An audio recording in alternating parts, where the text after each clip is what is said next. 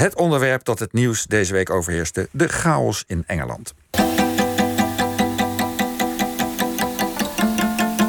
Mr. Speaker, I wish to be clear. What is proposed today is constitutionally irregular. The Prime Minister has not given Parliament the opportunity to debate the constitutional crisis facing these islands. Um, and it is at least as much a constitutional outrage that three years after the referendum we're still in the European Union. As the nation flies into one of the biggest storms, constitutional storms, in its history, is an unsettling thing.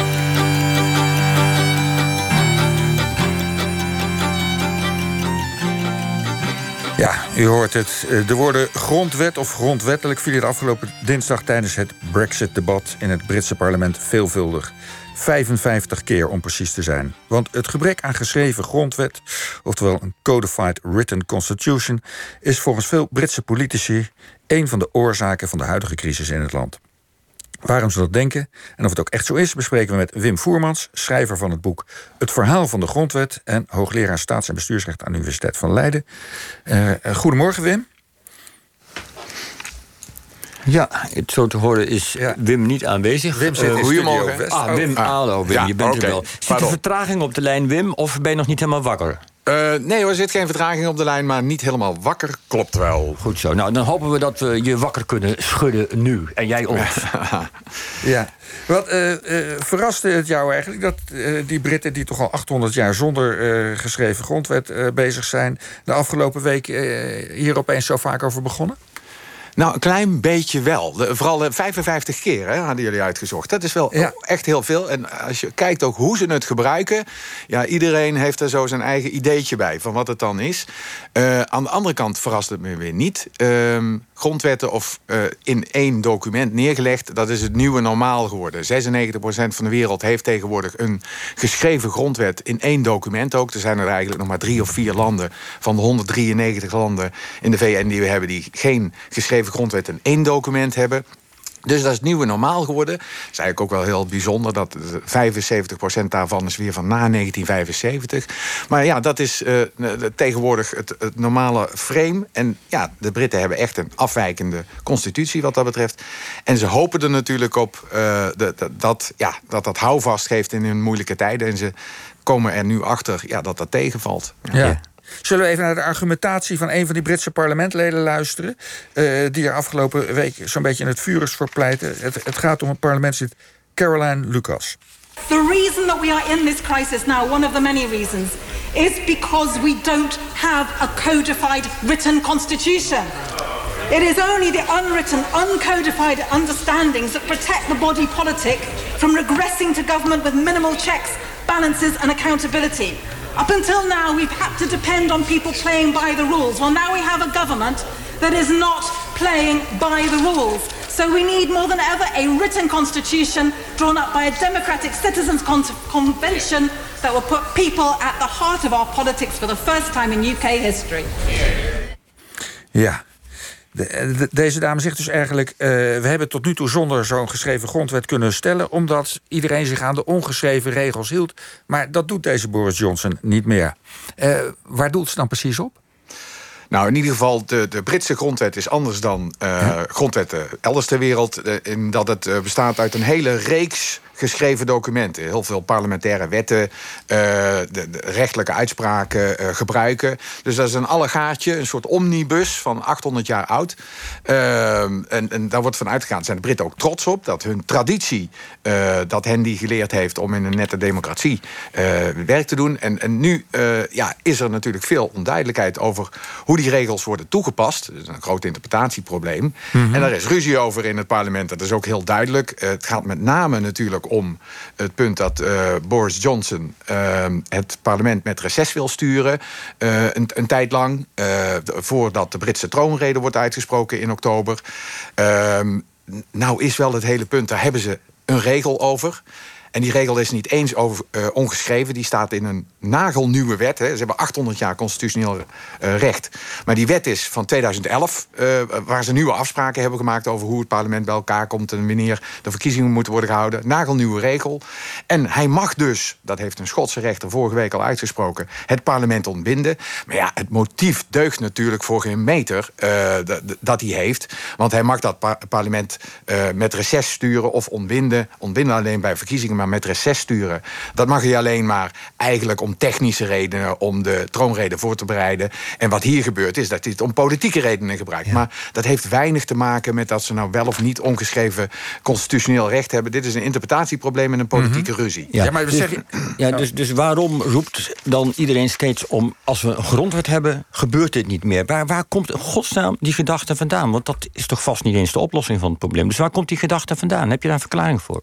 Ja, ze, ze hebben toch het idee dat dat meer houvast geeft. Kijk, en, uh, dan heb je een stok om uh, Johnson ook te slaan. Als het zonder, uh, zonder klaar zou zijn dat hier strijd is met de grondwet.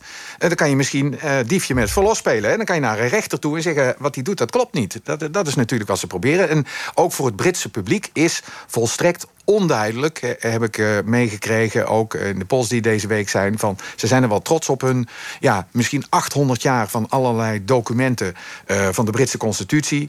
Maar je hoorde het ook al hoe dat gaat. Die ene geaffecteerde meneer die uh, sprak over de British Constitution. niemand weet precies wat daarin staat. Hè. De gewone bevolking weet dat niet. Deze generatie heeft daar ook weinig mee. En dat is de kwetsbaarheid van een grondwet die een hele lange levensduur heeft. Dat je niet meer precies weet wat de regels zijn, waarom ze er zijn hoe ze werken. En dat is natuurlijk waar die mevrouw, uh, deze Karen Lucas, gelijk in heeft. Ja, we kennen het regelboek niet. En we hebben ook niet het idee dat we er een aandeel in hebben gehad om de regels voor ons politieke systeem om die vast te stellen. Ja, want wij, uh, bij, bij ons uh, leeft de grondwet iets als een soort, een soort basisregels, hè, waar vrijheid van meningsuiting, vrijheid van godsdienst, noem het allemaal maar op, in staat. dat, dat is het, hè, hoe de staat georganiseerd wordt. Ja dat hebben alle landen tegenwoordig. Waarom hebben die Britten dat niet? Wat is hun motivatie om het niet te doen? Ja, ze, de, kijk, de Britten hebben een, een staatsbestel waarvan ze zeggen dat is ongeveer duizend jaar oud. Hè. Sinds 1066 uh, eh, ongeveer uh, doen zij al zaken op dat eiland. Daar zijn ze heel trots op dat ze hun soevereiniteit hebben. En ze hebben eigenlijk, dat is een middeleeuws idee. Uh, zij geloven in wijsheid als leidend beginsel, om het zo maar eens te zeggen.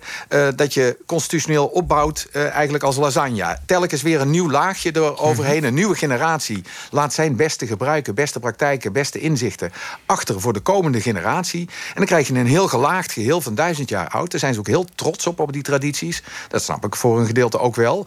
Uh, dat zo hun recht en zo hun systeem in elkaar zit. Ja, maar die lasagne is nu behoorlijk aangebrand. Zo uh, is het gevoelen kennelijk. Ja, en onherkenbaar uh, voor degene die ermee moeten werken als eetbaar, zou ik maar even zeggen. De Britse burgers weten niet de, de, de, hoe het in elkaar zit. Ja, maar was het onderste laagje van die lasagne niet ook een, een soort oergrondwet, de Magna Carta?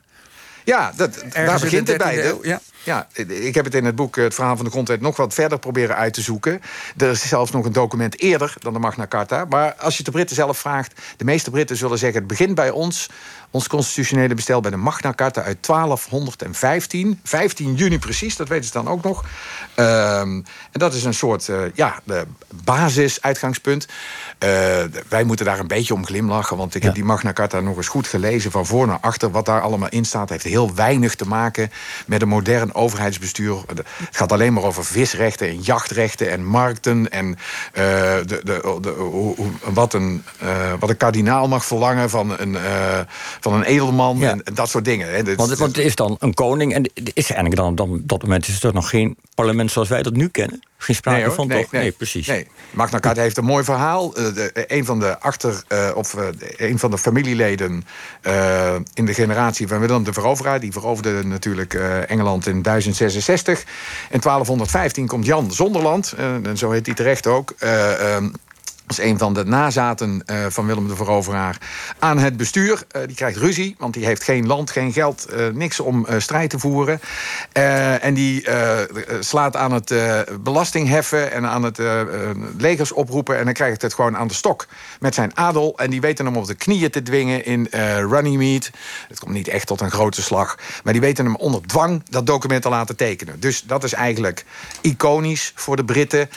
hier hebben we de, de, de ja, dit, dit is wel de adel en de geestelijkheid die dat van hem afdwingt. Maar een koning kan niet zomaar regeren. Die moet een gedeeltelijk instemming hebben van de adel en uh, de geestelijkheid in dit geval. Uh, en uh, daar zijn dus beperkingen aan zijn uh, bestuur. En hij moet onderhandelen over uh, wat hij uh, kan doen. En daarom dat idee uh, dat hebben de Britten nog steeds bij zich. Dat een koning of een overheid niet zomaar iets kan doen. En daar komt dat vandaan. Maar ja, dat, ze, ze, hebben dat uitgevonden en daar zijn ze apen trots op, om het zo maar eens te zeggen.